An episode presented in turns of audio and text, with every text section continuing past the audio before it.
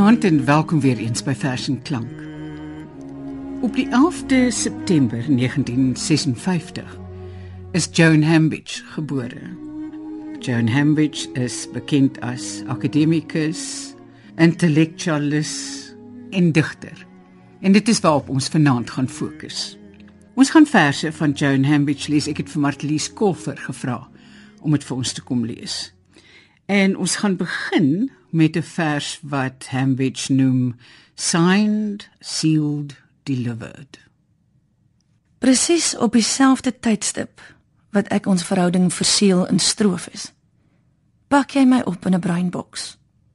Elke geskenk, foto en memento woordeloos voor my deur gelaat.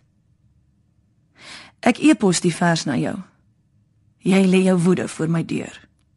So beland ek in jou inbox en te gelykertyd in jou outbox.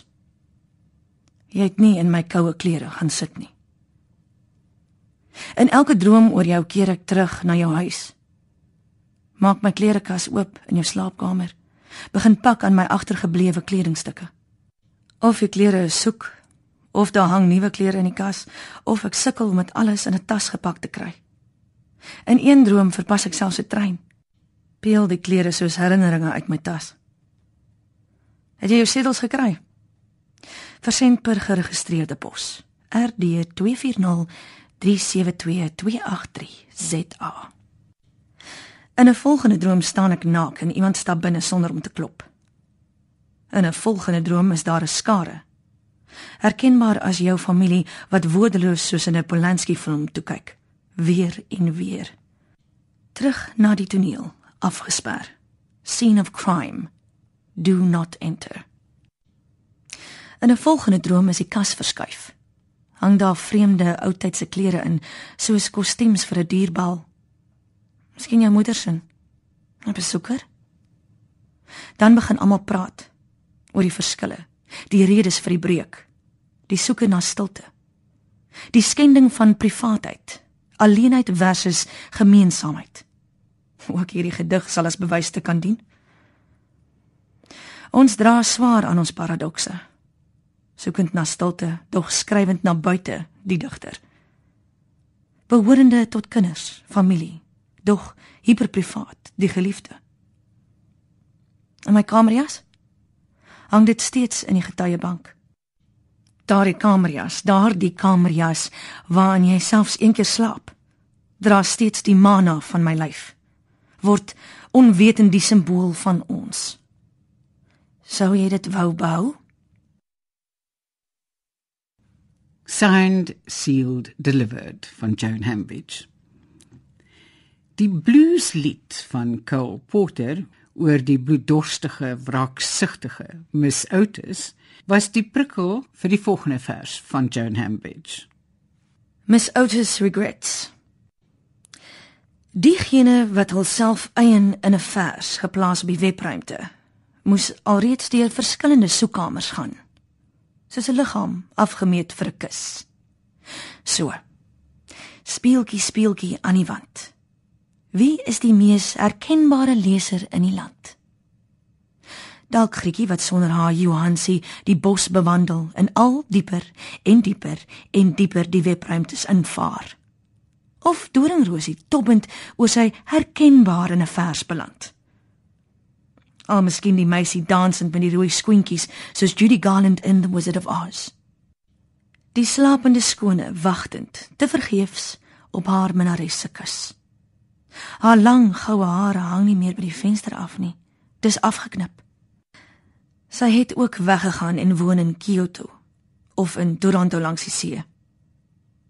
Haar kamersleutels is teruggestuur en miskien miskien slaap sy nie eens meer op 'n ertjie nie. Want sy droom van die bitter lemoene van 'n vers.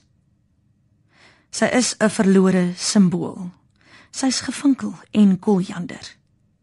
Haar gesig lyk nes die ander. Naskrif. Hoe jammer 'n vers word aan die groot klok gehang moet liewer nie hierdie ruimte besoek as jy meen jy, geliefde, word aan die kaak gestel nie.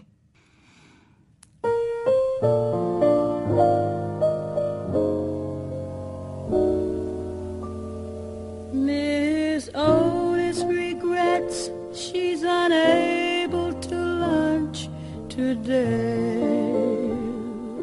Madam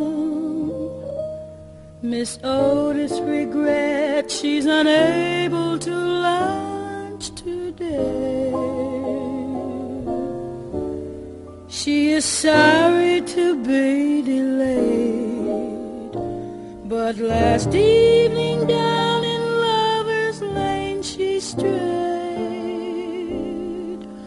Madam, Miss Otis regrets she's unable to lunch today.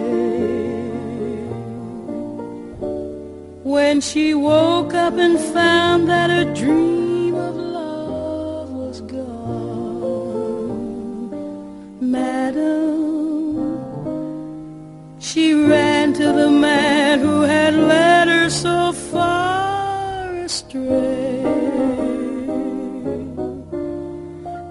From under her velvet gown, she drew a gun and shot her lover down. Madam, Miss Otis regrets she's unable to lunch today. When the mob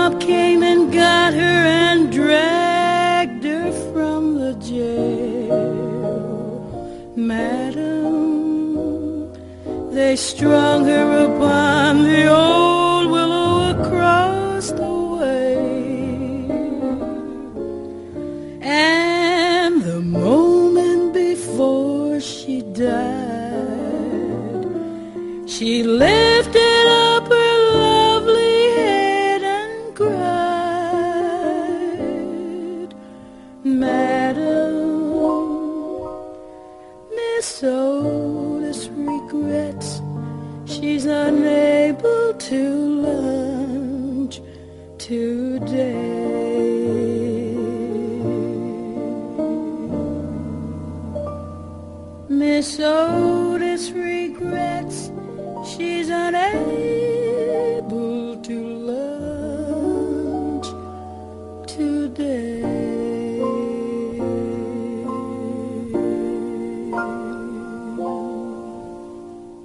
As verjaardaggeskenk aan Joan Hambidge maak ons hierdie program. Die volgende vers wat Martie Skoffer vir ons gaan lees is 'n vers is die heuning van die muses. Onthou jy ons eendag my skreensyfer verander het na 'n vers is die heuning van die muses. As ek verkeerd onthou, help my gerus reg. Maar dit was jy wat my skreensyfer verander het. Later het jy my begin verwyd. Waarom mag jy my wagwoord, maar ek nie joune ken nie? Waarom neem jy altyd jou laptop saam? Waarom moet jy ook oor naweke jou e-pos lees? Is daar iemand anders? Daar is nie iemand nie. Daar is iets. 'n Proses. Dit bepaal jou lot. Dit tas jou oordeel aan. Dit bekruip soos 'n migraine. Dit boots die werkinge van die lyf na. Dis nes menses met 'n afgemete, soms driftige siklus. Dit betrap jou. Dit transformeer.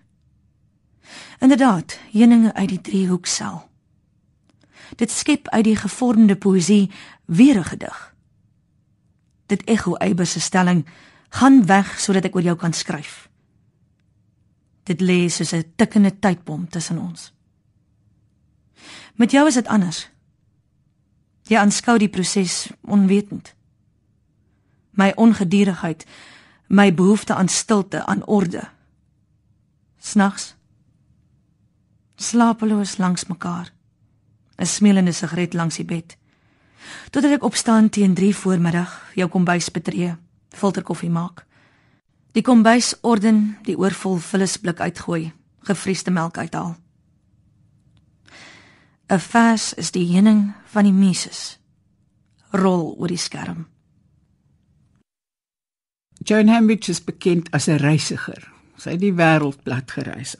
En sy het baie verse geskryf oor bekende mense, akteurs, sangers, opera sangers, die beroemdes van die wêreld. Kom ons luister na 'n vers, Marilyn Monroe, foto in rou. Beskeie wag ek vanaand 'n gedig oor jou. En nie eintlik vir jou. Ek wou begin die argetipiese seksgodin wat ander voor en na leepoog weg laat kyk. Besluit te dramaties, gewigtig lomp ensovoort. My onverboon word nou net 'n oomblik lank opgehef wanneer ek met 'n skok Bert Stearns se LA foto sien.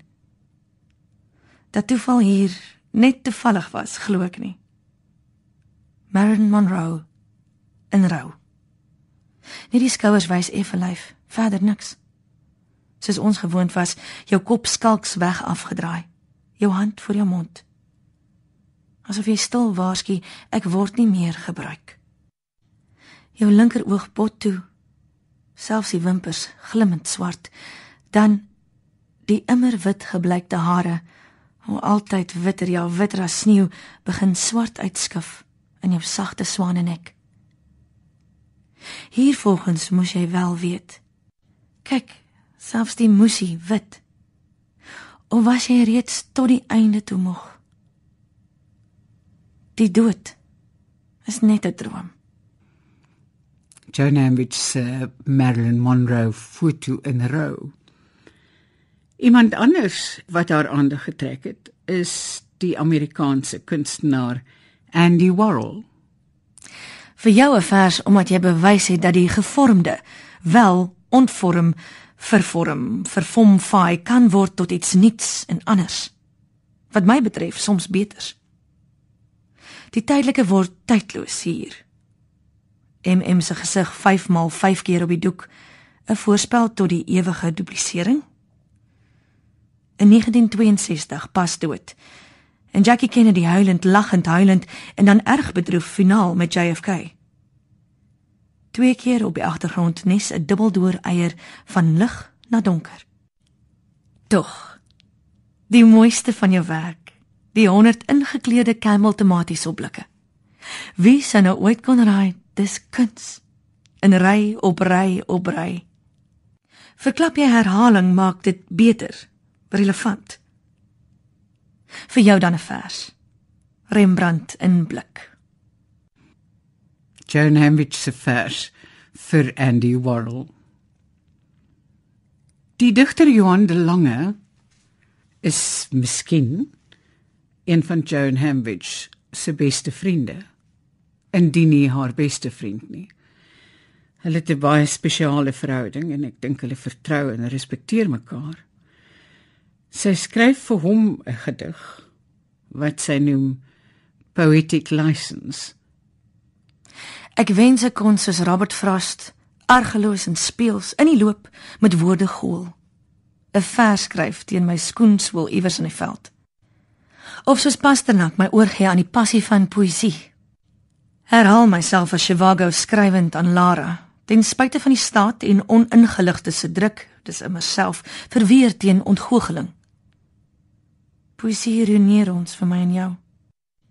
Weet net te goed, die metafoor is die verbeelding in aksie, verag emosies wat ondermyn soos liefde en vergeefs 'n oksimoron. Geskryf in vaart, versoen teen strydighede soos my herhaaldelike verskrywing vanaand. My gebroke bril en gebreekte verhouding en speelse parodie. My brein, my dorverlate brein Iets wens 'n versreel groei in jou. Ek skakel my geheue in hoogste versnelling. Siberiese yswinde waai tussen my en haar, die geliefde van my. 'n Afdruk van Julie Christie. En ek sit met 'n pasternak verlange en top. Sou sy, soos ek en jy, 'n reël uit 'n gesprek kon omtower. 'n Gewone gebeurtenis ervaar as raar. Ja Die making strange of things. Verdomde lange. Ek weet jy sal se muur gool en ontgoogeling verder kloon.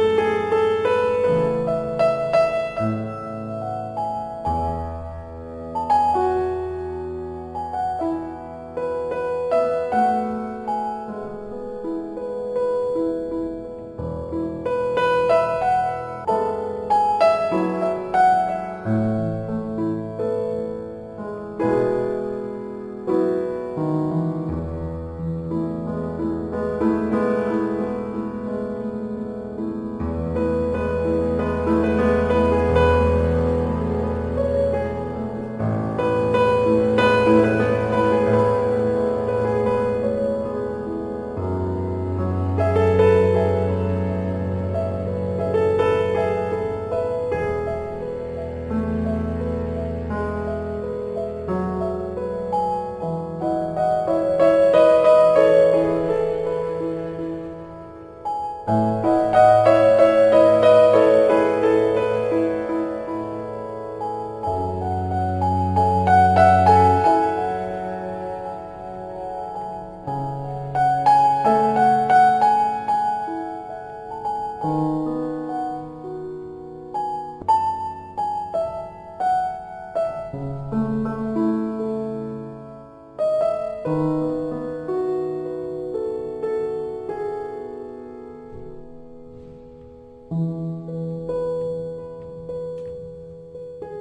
reise kry dikwels neerslag in haar verse. Luister hierna. Sy noem dit skoonskrif. Vesuvius se warm asse oorval Pompeii op 'n gewone dag. Alledaags, gewoon. Sommige kom betyds vlug van die versmoring. Hoe snak ek nie steeds na my asem. En later vir die ontsyfering van verwoesting terugkeer. Maar daar was diegene wat die verdelging nie kon ontglip. 'n Hond aan sy ketting, slawe by die badhuis, te getrou. Argeoloë kon met warm lood holtes vul om 'n afdruk van die liggame te maak. Fotos van jou bly ook net by rekonstrueer. Die stad, nes ons. Na alles uitgeklaar tot blote besienswaardigheid verklaar. Sy was nie net by Vesuvius nie, maar Joan Hambidge was ook in Santiago. En daar die feit dat Pablo Neruda nie dieselfde applous by sy volksgenote kry as vryheidsvegters en soldate nie, haar opgeval. Kom ons luister hoe lees Martlies Kolfer vir ons by die graf van Pablo Neruda. Vir alle vryheidsvegters soos O'Higgins en Simon Bolivar, die groot stryder, is daar vele monumente in Santiago. Die groot Chileense digter Pablo Neruda rus in 'n graf langs armes, vergetenis, sonder pragt of praal in Santiago. Vir alle soldate elders onbekend is daar suile opgerig, brandvure dag en nag aanhoudend in Santiago. Die groot Chileense digter Pablo Neruda moes weet sy mense sou hom vergeet. Daarom sy vergifnis aan almal in Santiago. Die groot Chileense digter Pablo Neruda sê sy gees is 'n boom, die see, die berge in sy soul enigste Santiago. Die groot Chileense digter Pablo Neruda vertrek na sy dood na Machu Picchu en stuur beste wense na Santiago. Die groot Chileense digter Pablo Neruda sê sy siel is in sy geliefde, haar mond 'n groot onbegrypbare raaisel in Santiago. Die groot Chileense digter Pablo Neruda leef in sy woorde, word vry soos 'n vlinder, al vereer sy mense eerder soldate in Santiago. by die graf van Pablo Neruda, soos gelees deur Martelies Kolfer. Ons gaan afsluit met 'n vers oor Marina Tsvetajeva. Vir so lank moes hy daagliks met voorskot en al woorde soos bloedige vrugte op die markplein afweeg. En nogtans tussen stof van die aangepakte vensterraam en vuil lakens 'n opsommende beeld stadig skikkend weeg dit het alles ten slotte te maak met opweeg toe sy loodswaar haarself aan die deur afweeg